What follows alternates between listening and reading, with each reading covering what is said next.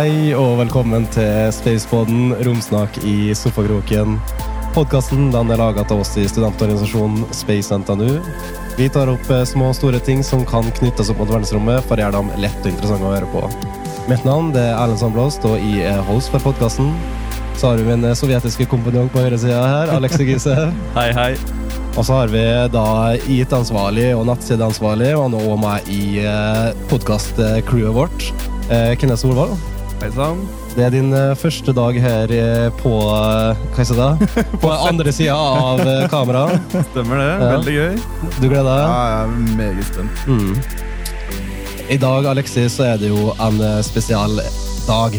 Det er det. Og den har, den har vi gledet oss mye til. Ja. Det, absolutt. Dette er jo noe som vi har planlagt egentlig helt siden starten. Vi tenkte at vi skulle legge en sånn litt annen vri da, på noen episoder. For dere som har trykt på episoden, så ser dere kanskje at det står Spaceboden spesial. Og det er fordi at vi vil gjøre noe som er litt annerledes. Og spørsmålet er, hva er spesial, Erlend? Hva er det det går, er det det går ut på? Nå skal du høre. Altså, vi har jo Nesten alltid så har vi med oss en organisasjon eller en bedrift, og vi snakker om dem, hva de gjør spesifikt. Eh, Men i dag så eh, skal vi gjøre noe litt annerledes. Vi skal bare ha rett og slett eh, romsnakk i sofakroken. Vi skal ikke snakke om noe spesifikt, vi vil bare snakke om det vi syns er interessant. Og så har vi jo med oss en kjendis.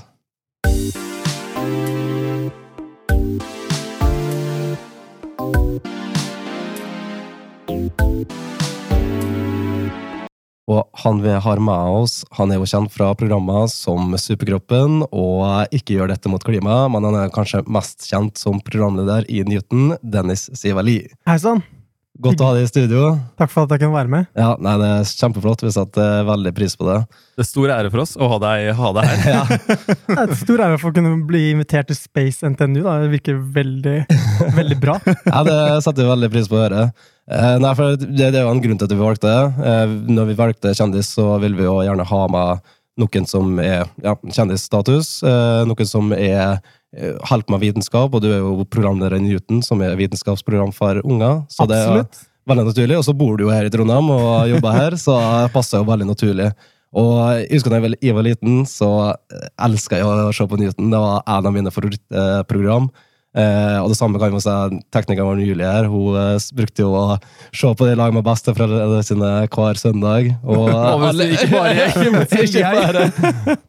Selv jeg så jo masse på Newton. Altså sånn, eh, Nå kom jeg jo til Norge da jeg var åtte, eh, så det var kanskje akkurat den eh, fikk lært meg språket og sånn. Men da var jeg liksom, jeg var liksom den som kanskje så minst på tegnefilmer. Jeg så masse på Discovery Channel og Science og liksom Newton, og det var det som, det var, det som var tingen, da. Mm. Så absolutt. Har du noe spesielt forhold til Newton? eh, Ja, altså, jeg er i samme båt som begge dere. Newton det var en del av den vitenskapelige sida av barndommen. Da Da var det liksom Oi, det, eller det var, det var Newton, og så var det Mythbusters. da Yes. Riktig. Helt riktig. Mm. Mythbusters. Det er, det er jo sikkert derfor vi sitter her, da. Ja, Faktisk altså sånn- Det er jo en grunn til at vi sitter at vi er med i Space Center Det er jo ting vi er interessert i, og som vi har jobba for. Eh, og veldig kult da å tenke på lille ungene våre som satt og så på Newton. Og så nå sitter vi her med programlederen i Newton. Ja, jeg husker jeg så på masse Newton da jeg var uh, liten. Og jeg, den programlederen som var eh, da jeg, da jeg så på, det var Per Olav. Ja, Ja, Per Olav. Jeg vet ikke om dere Ja, Jo, jo, det er han jeg husker på en måte som er nyheten Ja, for meg. Riktig. Ja. riktig. Uh, og jeg så masse på Mythbusters i tillegg. Uh, og så masse på liksom sånn eh, David Attenborough-dokumentarer Ja, så. Ja. Legende. Ja. Mm. Så det, det var veldig stas da jeg fikk lov til å begynne som programleder, for det var liksom sånn, det var drømmejobben ganske lenge. Og så søkte jeg, jeg tror jeg søkte, jeg søkte først én gang, så fikk den ikke. Og så søkte jeg en gang til, eh, og da fikk jeg den. Ja, liksom. Ja. Never give up, er det ikke det man sier? Altså, Ja, jeg det får er den der shake mailen og bare, eller oppringninga og bare 'Å, du har fått jobben', og da, da, da- Mamma, mamma! Den oppringningen da, Ja. da hun sa jeg fikk jobben, så var jeg sånn, ok, ok, ok. Alle premisser uansett hva som skjer, så er du med. Det var dritgøy.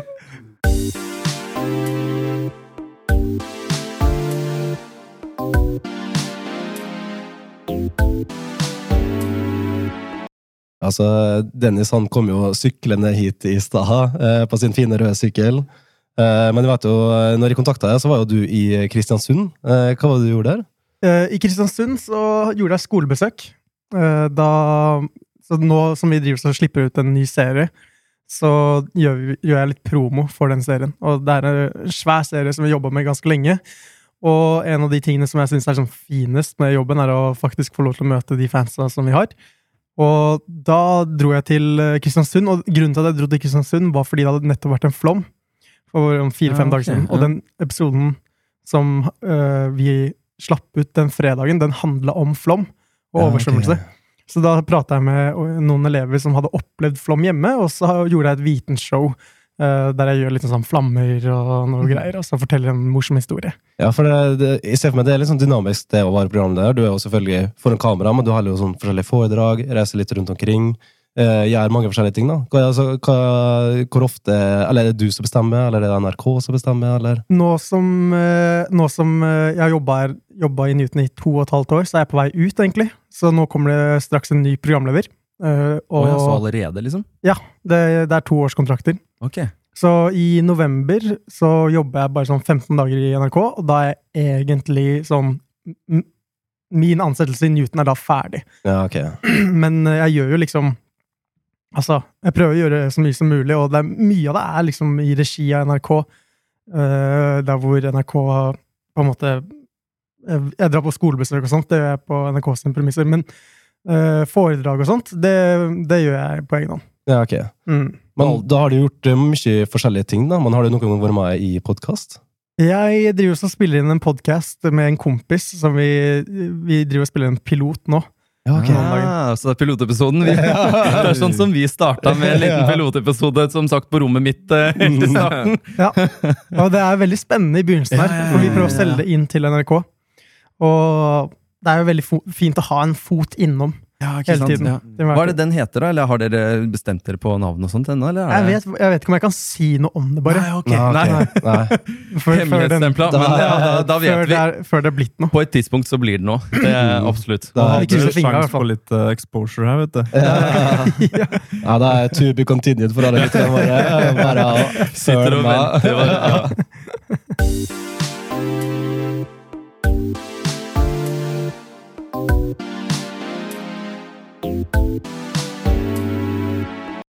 Vi, vi kan jo egentlig starte. altså Våre hoved jeg si, demographic da, er jo alderen eh, 18 til 27 år.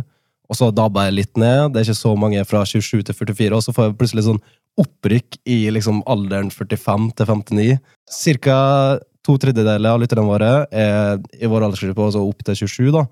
Eh, og så er det ca. 20 i aldersgruppa 45 til 59. Så eh, vi har jo studenter, og så har vi godt voksne som er i arbeid og sånne ting. Men du lager jo program hovedsakelig for eh, unger. og Hvordan er det å jobbe når du skal formidle sånn, ja, kanskje komplekse og Vanskelige ting. Liksom. vanskelige Ja, ja. ting? Men det er eh, Så jeg har på en måte veldig lenge brent for forbrenning, da. Nei, for, for, for, Oi, det hva, hva var det jeg skulle si? Det var eh, for eh, Altså, for formidling. Formidling. Formidling. Ja. Så jeg begynte jo Jeg jobb, gikk jo på biologi på Universitetet i Oslo. Og så begynte jeg å jobbe som eh, vikarlærer på en ungdomsskole. Og så jobba jeg bare så mye jeg bare kunne, helt til jeg fikk liksom sånn en klasse og fulgte det med et par eh, måneder av skoleåret osv. Så, videre. Eh, så jobba jeg som PT i to år. Og så, jeg, så fikk jeg jobben i Newton. da. Og den, den erfaringen jeg kunne ta med meg fra de tidligere jobbene jeg hadde, da, det var liksom Ting må være veldig gøy. Mm. Ting må være engasjerende, og folk kan til en Altså, folk liker, liker ikke å kjede seg, da. Nei, I hvert fall ikke når man, når man eh, lager, um, lager innhold for barn, så, er, så gjelder dette her liksom virkelig, da. Så um, til tider så skulle jeg ønske at jeg kunne gått litt dypere inn i ting. Uh, og på en måte forklart litt mer om hvorfor ting er sånn som det er. Men eh, vi, bruker veldig mye sånn humor og klipp og sånt for at, for at eh, budskapet skal komme bedre fram, da. Så det er underholdningsverdien som på en måte må være betydelig høyere enn på vanlige ting, eller vanlige ting, faktisk. Det som er ment for eh, voksne grupper, da. Mm. Ja, Eh, absolutt. det og, det, det og det er blitt liksom helt endra siden, eh, siden ting gikk og vekk fra TV. Der hvor NRK hadde liksom enerett på liksom all form for media. da. Og det endra seg rundt 2014. Da begynte YouTube virkelig å ta av. Barn skjønte at YouTube var en greie. det ble liksom masse YouTube-kjendiser og sånt, Altså, da måtte vi gå over til YouTube for at liksom For at vi fortsatt skulle bli valgt, da. Og det er det som er på en måte utfordringen med å lage content for barn nå. Det er at vi må bli valgt av dem. Og, så vi prøver å gjøre vårt beste på akkurat det. Og det er ganske utfordrende til tider, sånn spesielt med den eh, serien som vi har lagd nå, som heter Ikke gjør dette mot klima. Det handler om klima, og det er veldig få barn som faktisk brenner for det. Og da må, da må vi gjøre sjuke ting for at oppmerksomheten skal på en måte bli fanga, da. Mm. Ja, ja, ja. Men jeg merker, det er litt interessant, for det, det handler jo ikke heller bare om eh, seerne eller lytterne. Eh, det handler jo om hvilken plattform du er på. Vi merker jo når vi skal lage om til Instagram-post eller Facebook-post, så er det sånn du har forskjellige formateringer, forskjellige lengder som fungerer på forskjellige plattformer. Forskjellige underholdningsverdier igjen. Og, Og, så du må jo tilpasse det veldig. Så sånn, merker du eh, Nå er jo ikke du under selve overgangen, da. Men også merker du på YouTube for eksempel, at eh, der må det være en sånn type lengde, kanskje den type hva skal jeg si, clickbait og sånne ting. ja, endringen på, på formatet på eh, de programmene deres. Ja, altså innsalget er liksom det viktigste som Ja, okay. vi jobber med. Fordi innsalget er liksom Ok, så vi skal prate om eh, Si vi skal prate om ja, eh, hvordan man lager ost. Ikke at vi har gjort det, men vi, da må vi liksom det, som, det vi vet fenger, da, er eksempel konkurranse. Kids Mm. elsker konkurranse. De liker å se at noen blir eh, At to folk som de liker veldig godt, de går mot hverandre og kjemper om en tittel. Da, da må man på en måte tilpasse innholdet sånn at vi lærer om ost mens vi gjør en konkurranse.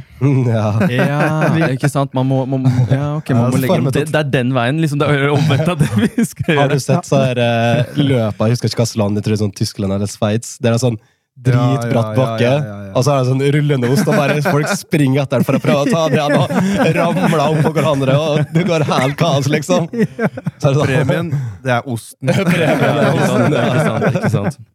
Men jeg ser jo veldig godt at det, er, altså at det er veldig viktig å få barn engasjerte på det med vitenskap. Altså sånn, bare se på hvordan eh, altså de, de større, større landene som vil ha med masse, eh, masse forskere, og sånn, eller vil ha flere forskere. Sånn, ja, I hvert fall USA jobber masse med det, og folk prøver å engasjere flere flere barn. Eller som jeg kjenner av fra både hva foreldrene mine fortalte fra Sovjetunionen, som var veldig på det med space. da. Og da var det sånn at man absolutt på barneskolen det, man, man ble liksom meldt inn i masse forskjellige sånne eh, grupper, og der skulle du på, få masse sånn underholdning, men samt underholdning mot liksom eh, eh, tekniske ting. da.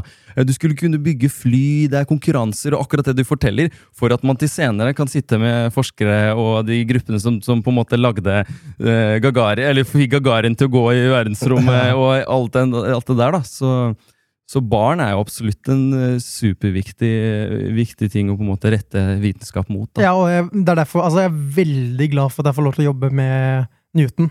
Fordi det er noe jeg brenner for.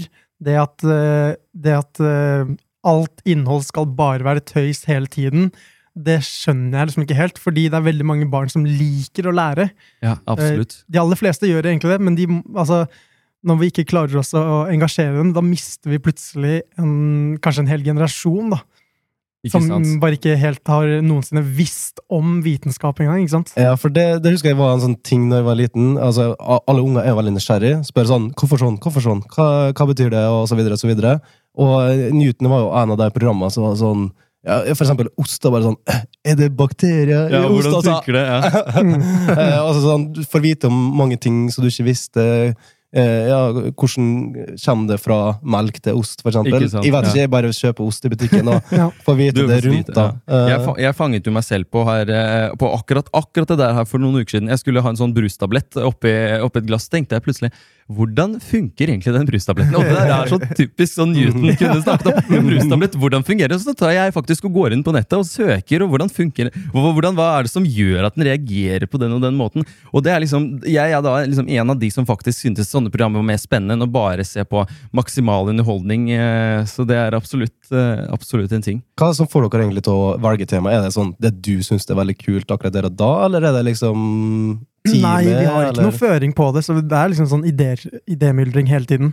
Og når vi, når vi finner et bra nok tema, så på en måte prøver vi bare å forme det, så jobber vi sammen om å forme det. Men jeg liker å gjøre ting som er litt ekstremt. Og jeg har for eksempel um, Vi skulle lære, om, um, lære kids om mat. Og en av, eller hva, hva som skjer hvis du ikke spiser mat. Og da gikk jeg seks dager uten å spise mat. Den tror jeg vi så, faktisk. Ja. Eh, ja. Seks dager. Hvordan, hvordan gikk det? For det, det her tror jeg jeg burde vite. Takk på all den jobbingen. Ja. Det, det, gikk, eh, det gikk fint, men jeg syns det var ganske ille på et eller annet tidspunkt. Ja. Vil du anbefale det? Nei, eh, absolutt ikke. Absolutt ikke. Men det viser, altså, forskning har jo vist at én til to dager fasting kan være ganske bra for kroppen, fordi kroppen får på en måte regulert seg selv. Rensa litt, liksom, og på en måte, eller hvordan? Ja, altså, en av de problemene som skjer, som vi har, da, er at uh, veldig mange er uh, Altså, vi har uh, mange diabetikere, diabetikere i Norge og i verden. Det er flere som dør av, over, av fedme enn av sult, ikke sant? Um, og det at vi spiser veldig mye sukker, gjør jo at eh, insulinet i blodet er ganske sånn uregelmessig. Det går sånn veldig mye opp og ned. Så hvis du ikke spiser mat, så, kroppen, så klarer kroppen å eh, kontrollere insulinet mye bedre, og den, det blir redusert til litt sånn sunt nivå. Og så kan du på en måte spise inn igjen. Så litt sånn fasting er lurt, men, men eh, hvor, hvor på en måte burde man gjøre det ofte, liksom? Eller? Altså, nå, nå blir det her, det her er vanskelig, fordi det Snakk med en lege. ja, absolutt. Ja, altså, det er, jeg gjorde jo det under oppsyn, og jeg tok liksom blod, tre blodprøver på en uke og sørget for at ting var liksom i orden hele veien. Men, eh, men det har vist seg mange Som for eksempel ramadan er egentlig en veldig flott eh, kulturell Mulighet, happening. liksom, eller happening, ja, ja, Ja, fordi eh, tanken er at man skal liksom vise respekt til de som ikke har mat og like mye som deg, men eh, kroppslig så har du også en veldig god funksjon. Da. Så altså, vi stammer jo fra liksom apekatter, og de, de hadde jo ikke mat hele tiden, sånn som vi har nå. Eh, og det er veldig sunt å spise tre måltider om dagen. Fordi da får man liksom jevnlig energi, og man kan liksom gjøre veldig mye ting. Og vi har masse andre ting som vi holder på med nå, enn, som vi ikke gjorde for eh, 10 000 år siden. Men eh, det hjelper det, Altså, det, det kan være sunt for noen å redusere mat, matinntaket litt. Interessant. Mm. Fordi det her er jo faktisk et eh, perfekt ting å strekke inn med tanke på verdensrommet og space. Og, det der. og det er mye testing som på en måte nå foregår på den fronten der. Hvordan skal liksom eh, maten være for astronautene og kosmonautene? Hvordan skal de, i hvert fall på lange turer og til Mars og sånn. Og der har jo på en måte ESA sammen med, med, med Roskosmos, eh, russiske, brukt en base som de har i, i, i Moskva der, som er sånn De hadde bygget eh, flere avdelinger som skulle liksom imitere da, eh, en del hvor det var Mars, eh, som de skulle faktisk Altså det var sånn pressurized sted, trykk, som de hadde på seg eh, um, Romdrakter. og sånn. som de skulle ut- Drakter. Romdrakter, yes. Og eh, det hadde de deler hvor de var I de delene så var de stengt i 500 dager. Altså 500 dager, og da spiste de kun det av den maten som var der, og den var planlagt på forhånd, så de kunne kun spise nøyaktige mengder av de, de ulike eh, delene, og på tidspunkter så sa liksom forskerne her på liksom jorda, og de var liksom oppe på, på, eh, På Mars, Mars, og på vei til Mars, ja, Ja. ikke sant? Og da sa de ikke nå får dere ikke lov til å spise dette, eh, nå kan dere ikke gjøre det, nå må dere dyrke deres egne i en uke eller to uker, og liksom forsket på, på dette her. Eh, men hva tenker du med tanke på sånne romreiser? Hvor, hvor mye påvirker det? Jeg, jeg venter med å gjøre en romreise til jeg kan Du vet, du vet i sci-fi-filmer så kan du sove, og så er det framme. Mm. Ja, vi kommer til det punktet der. kommer i sånn kapsel, og så fylles det opp med sånn væske. Og så bare, Ja, men, men det må være helt sykt, da. Altså I 500 dager å bare sitte sammen, og hvordan på en måte psyken til personene eh, blir påvirket, og at uh, du ikke får nok sollys, at du, de må noen ganger gå med sånne spesielle briller for å, fordi, eller sånn, sånn røde og blå. Det er jo helt sykt eh, å tenke på. Ja, for du, du har jo serie som heter Superkroppen, og jeg tenker jo en av de supereste tingene vi har gjort, er å sende folk ut av jorda.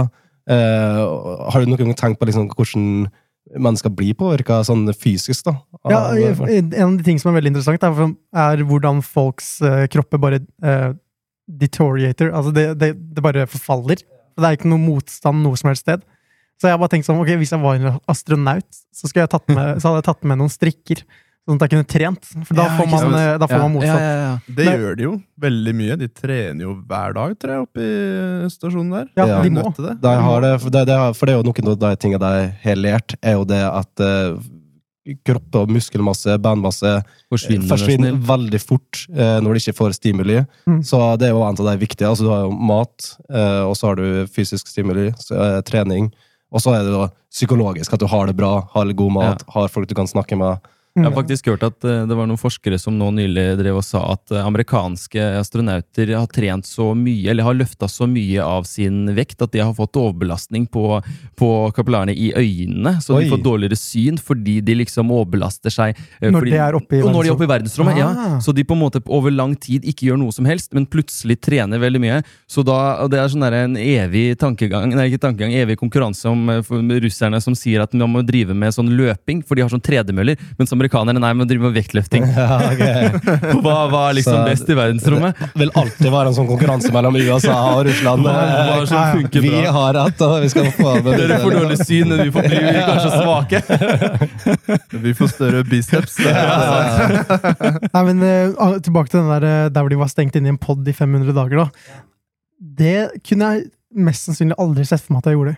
For det Ja, for- føles ut som altfor lang tid, og at du på en måte kaster bort så mye av Du kaster bort 500 Livet. dager. Altså, Mm. Eller var det 520 dager? var det ikke? 520, tror jeg, ja, Ja. som de satt på. ja. ja det er helt sinnssykt. Som er helt vanvittig. Men, men så syns jeg igjen det er veldig imponerende når folk er så dedikerte. Da, og det finnes så utrolig mange flinke folk som, som virkelig brenner for å komme ut i verdensrommet og utforske og komme seg til Mars. Altså sånn, nå er det jo på en måte lagt planer for at man skal, liksom, man skal øh, opprette en fast, langsiktig øh, plass på månen. Ja.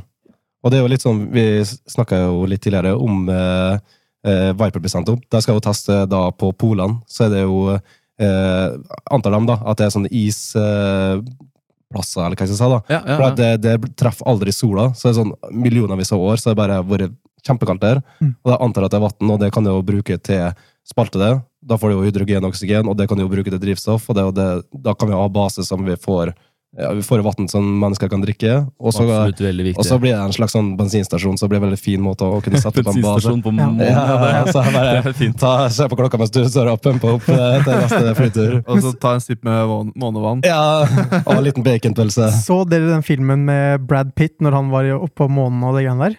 Ad Astra, er det Ja, det? jeg tror, jeg tror det Ad Astra. Ja. Ja, riktig. ikke Ja, jeg ja, Fordi det som er sånn helt sjukt, er jo at folk kommer til å kjempe for å eie månen. Ja. Ja. Så er det sånn Mm. Jeff Bezos kommer han til å kjøpe månen, liksom. Ja, liksom- men det det, sånn- det, Men tenk deg når folk begynner å ta med til geværet på månen, liksom. Det er helt Mm. det er jo helt sjukt. I den filmen så gjør de det, da. Og det, det virker bare så fjernt at man skal liksom Det føles jo veldig sånn tilbake til eh, den kalde krigen. da, For da var det snakk om at eh, den der når de skulle opp dit, at uh, sovjeterne skulle male, må, eh, male månen rød. At de sa at vi vi sprenger en sånn type greie bare for å få månen til å være rød. Og Det var mer sånn, sånn gimmick som de sa, men det var mer bare rett etter at Gagarin eh, kom opp i verdensrommet og Sputnik ble sendt, så var det da skal vi, Nå skal vi male hele greia rød. Det kan jo at vi får liksom den nye Antarktis, da. For det er jo sånn eh, Norge blant annet har jo eierskap i deler av Antarktis, men det er liksom bare sånn generell tolkning av at det er et fellesskap der, og det er brukt til vitenskap og sånne ting. At eh, selv om folk vil få eh, For det, det er naturlig, på en måte. Folk vil alltid ha eie. Folk med makt skal eie det. er ikke det fascinerende? Ja, det er Jeg synes det er helt vanvittig fascinerende med mennesker, fordi vi klarer å bygge maskiner som tar oss til månen. Så smarte er vi. Allikevel så krangler vi om eiendom. Ja, Det er liksom, det er ganske det er helt, sykt å hvorfor ikke bare dele? Hvorfor ikke bare tenke at vi er et folk? Liksom, det er helt, det jeg I hvert fall skjønner når det ikke gjelder andre Det, planeter det, og er, sånn. det er jo drømmen, da. Det er jo den eh, kommunistiske drømmen. Ja, i hvert fall bare de skulle større, og de skulle dit, og det, det var jo veldig forskjellige typer. Men sånn jeg tenker, altså sånn han eh, godeste Elon Musk, han vil jo sikkert Jeg vet ikke om han vil eie Mars, men han vil jo i hvert fall dit først, eh, Ja. Ja, føler jeg, jeg. jeg tror per nå så kan du ikke eie selve månen, men du eier de tinga du har på månen. Se- Setter Så jeg sa at du lager en diger base, så eier du jo basen, og da eier du jo på en måte etter hvert bakken. Ja. Så eh, vi får da sikkert noen Jeff Bezos eller noe lignende som plutselig Ja, Han som er en pikk eh, eh, Hva er det greiene der? Altså, den meme-bølgen som kom etter at man fikk se raketten hans. ja, Det var lættis, ass. Ja, det var sant. Det var Raketten ja, til de Jeff Bezos. veldig på en penis. Ja, Ja, det var det som, det var det som var situasjonen, ja. Ja, det, har jo, det har jo vært mye kontroversielle ting som har skjedd i Blue Horizon nå. da. Det er tydeligvis veldig toxic eh, arbeidsmiljø der. Ja, Ja, det er det? Ja, ja, jeg har sett masse på internett. Da. Det er folk som sliter med selvmordstanker, og det er sånn veldig sånn eh, type Wolf of Wall Street. eh, Ja, det er der, ja. det er der, det er ja. Jeg føler jo nesten alle sånne store ting så er liksom der på toppen, så har du sånn glansbilde av hele, men så er det sånn Ja. million, eller sånn tusenvis av folk på bunnen som bare står og sliter driten ut av seg. Ja, Ja. ja. Men det der er jo faktisk en ting, tror jeg. Jeg har hørt også veldig mange av de som eh, Vi har jo en del studenter her, da, eh, som er veldig sånn space-interesserte og jobber mye med det her. Og de har jo også venner og bekjente som da jobber i ulike steder i USA og litt forskjellig. Og de forteller jo veldig mye ofte, ofte at eh, det å jobbe i SpaceX, det er, ofte, det er mye mindre betalt enn det det er andre, sånn som i ESA, for eksempel, Mm. eller Roscosmos. eller. Det er mindre betalt, og du jobber mye mer, men folk jobber av den gr gr- grunnen at de ønsker å være med på SpaceX. Og samme Tesla. At det er på en måte med Blue, eh, Blue Origin og alt det der. Det er sikkert samme, samme opplegg. Så det er, eh, det er absolutt de store selskapene der. De skal gjøre alt til å til å gå mye raskere. ja, Mm, ja, Så det, men man ser jo forskjell med en gang. NASA, ESA, Roscosmos, som er statlige, som prøver å gjøre det litt mer sånn rolig. Det tar veldig mye lengre tid. Altså, Hvor mange ganger har de postpona alle de uh, Mars-missionene og alt det der, der? Det er jo bare hver, hver gang det kommer. Du bare antar ok, nå kommer det to nye år.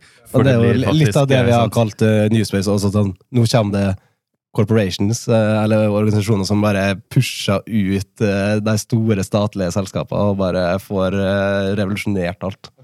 Og det er litt det samme vi opplever i NRK, faktisk. Fordi Det som er litt morsomt, fordi vi har jo den der eh, mediebølgen der hvor alt er på nett, ikke sant? Mm. Alle har mobiltelefon. Alt er, og alt er på Facebook, Instagram, TikTok, YouTube. Ikke sant? sant? Men eh, nei, altså man, man trenger disse statlige eh, aktørene, Absolutt. Mm. mener jeg, da.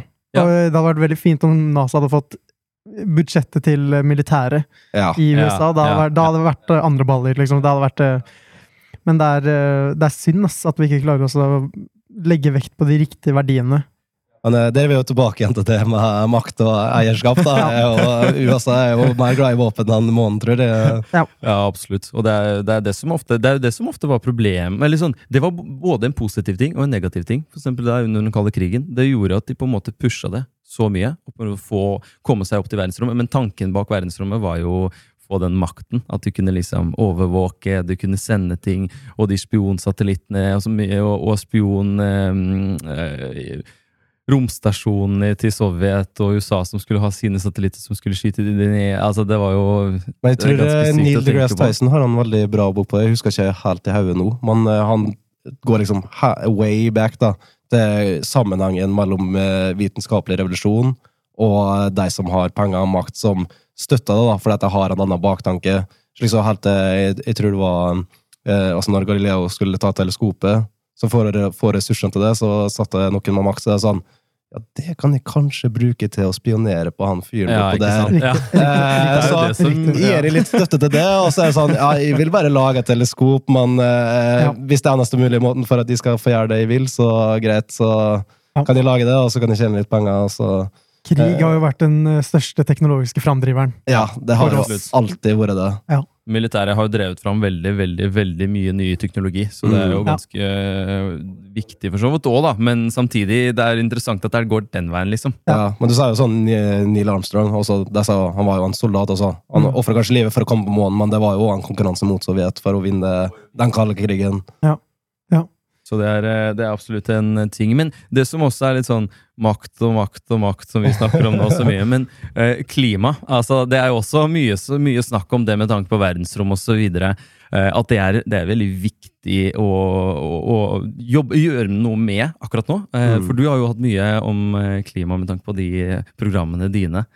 Ehm, men uh, altså, jeg vet ikke svaret på hva vi skal gjøre, med, hva vi skal gjøre med det, men vi, vi lager et eh, klimaprogram som eh, vi prøver å pushe til eh, barn, for at de skal lære litt mer om det. Fordi barn er hit, altså i den aldersgruppen vi på en måte lager til, de er ikke interessert. Ikke enda. Ikke, det er ikke sånn at de er uinteressert, men det, det, de bryr seg mer om ting som er i nærheten. Det Her som- og nå, liksom, på en måte. her og nå, venner og familie, skolen, diverse, ikke sant? Og de bryr seg om Norge, de bryr seg ikke om Sverige og Danmark, altså med mindre de kommer derfra. Så, så vi har prøvd også å lage en serie som handler veldig mye om klima i Norge, og klimaforandringene i Norge. også prøvd også å gjøre det interessant, men eh, tanken min bak det, den overordnede tanken min for eh, å lage denne serien, har vært å forhåpentligvis få en sånn type holdningsendring, da. Der hvor eh, om 10 år, om 20 år, 15 år, så er det en kid som virkelig digger politikk, men han også han digga liksom klima og alt det greiene der i tillegg.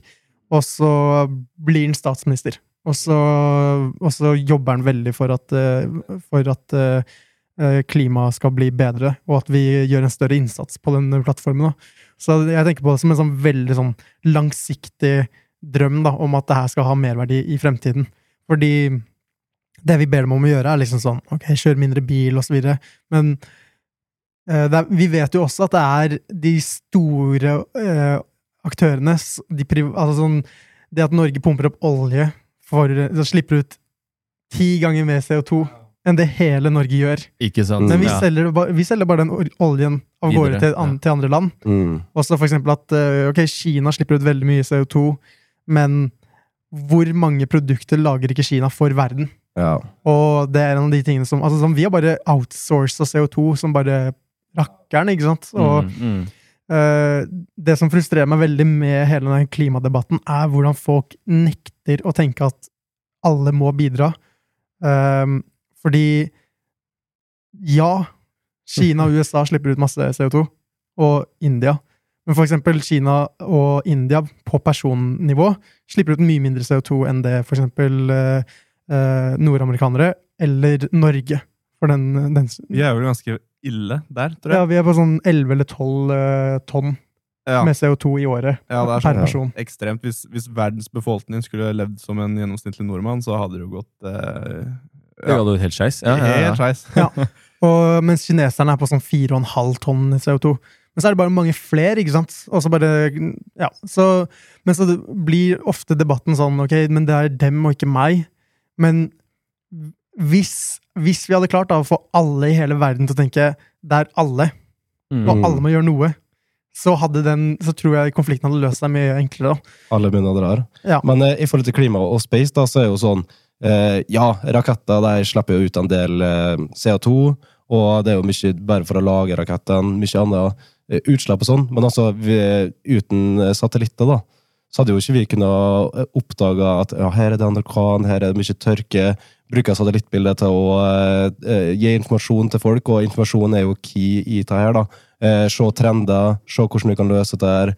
Eh, For det er jo absolutt en ting som veldig mange som kan, kanskje eh, driver på med klima, da, som kanskje ikke eh, vil forstå, eller ikke forstår. Da, Ja. det, ja, det er jo veldig viktig med faktisk at satellittene kommer i bane. Ja, selve raketten er kanskje ikke miljøvennlig i det hele tatt. De må jo bli mer, de, Man jobber jo med å gjøre det mer og mer miljøvennlige, mm. men eh, det er en sånn vanskelig debatt. det der. Og så er jo den framdriveren. Altså, ja, krigføring er, vil alltid være en framdriver, men space er òg en veldig framdriver i seg sjøl. Det var ikke det jeg skulle si. Ja, At, uh, nei, men um, bare fullfør det. ja, nei, altså for bedre motorer, bedre utnyttelse av materiale, eh, gjenbruk Solcellepanel. Solcellepanel, ikke sant? Eh, når du er i en liten kapsel ute i verdensrommet, så må du bruke de ressursene du har tilgjengelig, og den eh, informasjonen vi får ut ifra det, kan vi jo benytte igjen i eh, på jorda, da. Og Ja. liksom, for eksempel, Kommersiell kontekst. ja. Mm. eh, og for eksempel det med Hvis vi skal spisse oss inn på kjøtt, for eksempel, da, så kan vi jo utnytte plantevekst i, i verdensrommet, og så ser vi ok, det, det lærte vi mye der, både om næring, hvordan vi eh, vekstforhold osv., og, så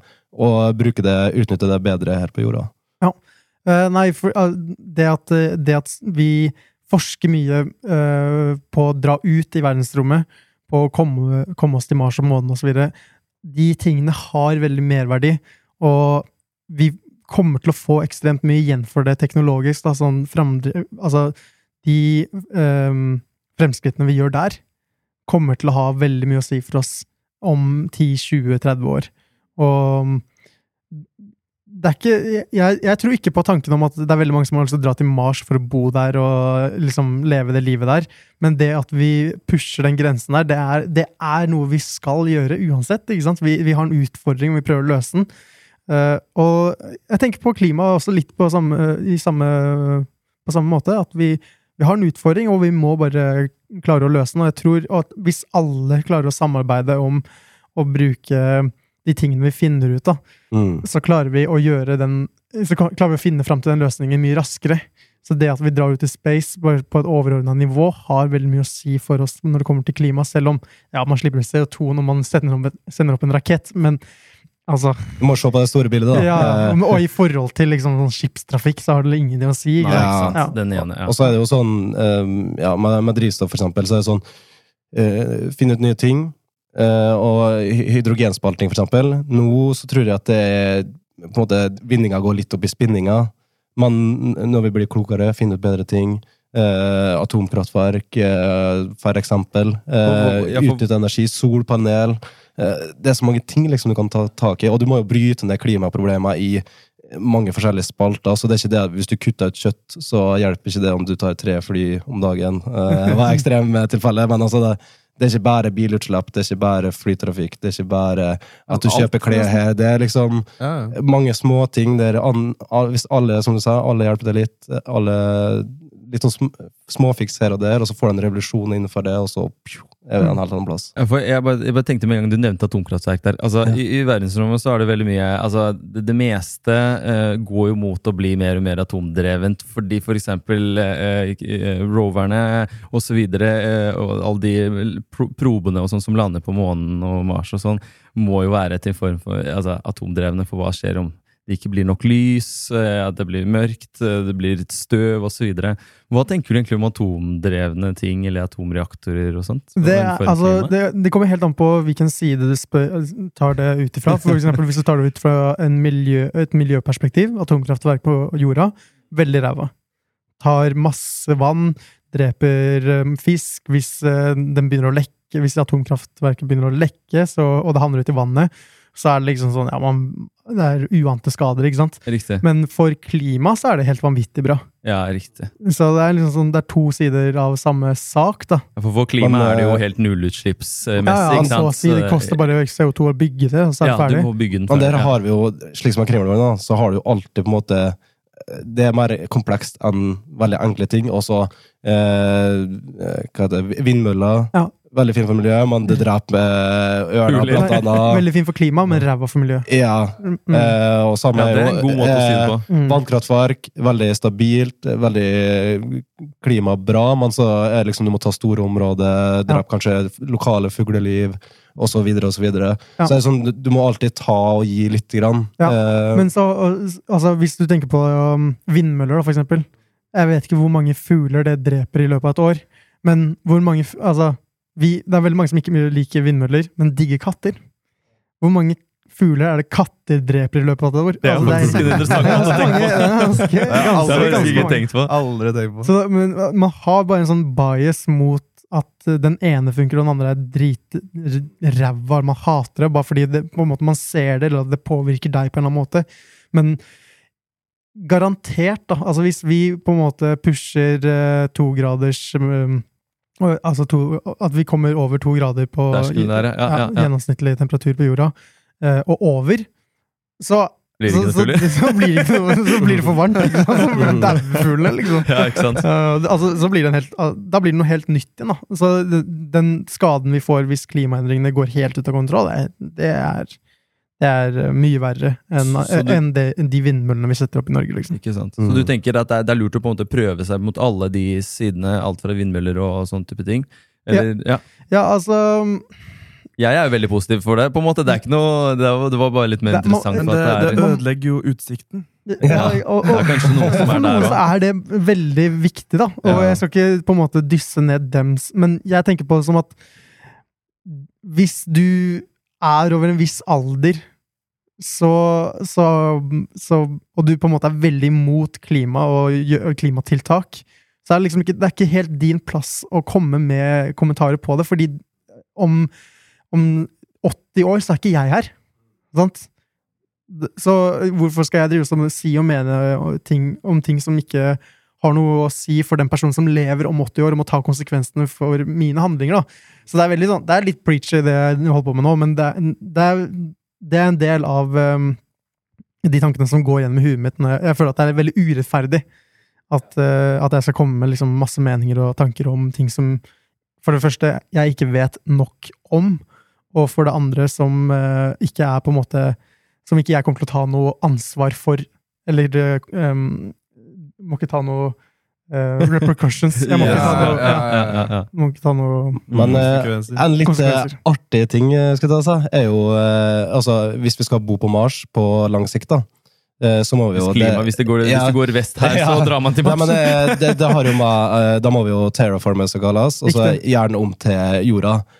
Og en del av det er å få opp magnetisk felt for å få vekk solstormer, og så må vi få opp en atmosfære, mm. og en måte å få opp temperaturen. Og det som er litt artig da, er jo at der må vi gjøre det vi er flinke på. Riktig. Pøse på med Ja, CO2, få opp temperaturen og bare få en tjukk atmosfære. Sånn bare bygges opp temperaturen gradvis. eh, og det liksom gjør, gjør veldig motsatt av det vi gjør her, da. Altså, eller det vi prøver å gjøre her. Da må vi sette i gang en ekstrem Ja. eh, drivhuseffekt. Så Ja. hvis vi bare kunne sendt produksjonen opp dit Bare bare, ja. altså, bare, her, bare go crazy! Altså, produser så mye. Produser dobbelt, trippelt. Eh, Jeg vet ikke om dere har hørt på, eller sett på noen Kurskesagt-videoer. Jo, jo. Det var litt ja, jeg anbefaler alle, alle dere Mm. som hører på nå også, at dere går inn på Kurskesagt og ser på alle videoene deres hvis dere liker eh, verdensrommet. Men de har jo tatt på seg sånn, sånn Terraforming Mars Mm. og Terraforming Venus. Mm. Og det er liksom sånn, sånn Det er helt sjuke konsepter de kommer med, men så sier de i samme slengen at det er alt, det her, er- alt det vi sier nå, er researcha, og folk har ideer om å gjøre disse tingene her i løpet av liksom, de neste tusen årene. Og da er det sånn Frysende CO2 fra Venus sender det over til Mars. Gjør at drivhuseffekten der blir ganske høy, sånn at vi får liksom to nye planeter og vi kan bo på. Det hadde vært drømmen, liksom. Det, det er så sjukt at mennesker er så komplekse at vi klarer å tenke ut sånne ideer og faktisk eh, gjennomføre det muligbart. da. Ja, per nå er jo ikke helt enda helt Nei, det er jo ikke helt det, men altså, det er jo liksom. Det er plausible, da. Ja. Eh, og det er veldig kult. Per nå, Eh, per nå så har man jo hatt, eh, hatt 14 probe, ja, rundt 10 av de tror jeg landa, 4-5 har vel ikke kommet seg dit, men til Venus da, Ja. eh, som har klart å lande, men de overlever jo bare sånn rundt 30 minutter. Den lengste overlevde vel to timer cirka, for det er jo 400 grader der. ja. Og det det, er- det, er ikke vel, sant? det er vel trykket der er jo Og trykket, ja. Bare det sånn 200 ganger ja, Ikke sant? Og, og de, de trenger jo ikke fallskjerm eller noe trøster eller noe til å, til å lande, fordi de, de, de lager bare en liten sånn eh, Det er som, ser ut som en kule, den der proben som skal lande, og den går bare gjennom som, som vann. Og så har den bare litt sånn myk understell som på en eh, Som liksom en liten sofa under, da, som det bare sakte, men sikkert bare flyter seg gjennom den atmosfæren. Nå er begynner vi egentlig å gå mot slutten her, men vi har spurt eh, tidligere deltakere om eh, det spørsmålet her, og nå har jeg lyst til å stille det til deg også. Hvis du hadde fått muligheten nå, eh, one way ticket til Mars, hadde du takka ja, eller hadde du takka nei? Nei. Det er veldig eh, tenk hvor fin jorda er, da. Jeg, jeg elsker jorda. Jeg syns det er en helt vanvittig fin plass. La oss si at det har vært sånn ferieparadis der, da. Vi har bygd det opp. Eh, Kunne du tenkt deg en liten sånn eh, vacation der med dama eller familie? Ja, ja, men det hadde vært noe annet enn enn, eh, å liksom få dratt på ferie til Mars. Ja, glatt. Da tror jeg, det tror jeg man må ha en sånn romheis eller noe sånt, sånn som man har tenkt på veldig lenge. Altså, Som går bare veldig fort, og så slipper du å drive Ta på og etasjen, takk. Eh, og eh, der må vi dessverre avslutte. Kjempeartig å ha det her. Eh, tusen takk til alle som lytter på. Takk til Dennis at du kom hit på besøk til oss. Takk for at jeg kunne være med. Mm. Veldig koselig. Det var veldig kjekt. Tusen takk til Fram for at vi får lov til å bruke deres lokale. Syns du det var interessant, så er alle våre episoder ute på Spotify. Du kan også sjekke ut mer informasjon om Space NTNU på ntnuspace.no. Sjekk oss også gjerne ut på Facebook og Instagram. Det var alt vi hadde for i dag. Takk for oss. Thank you.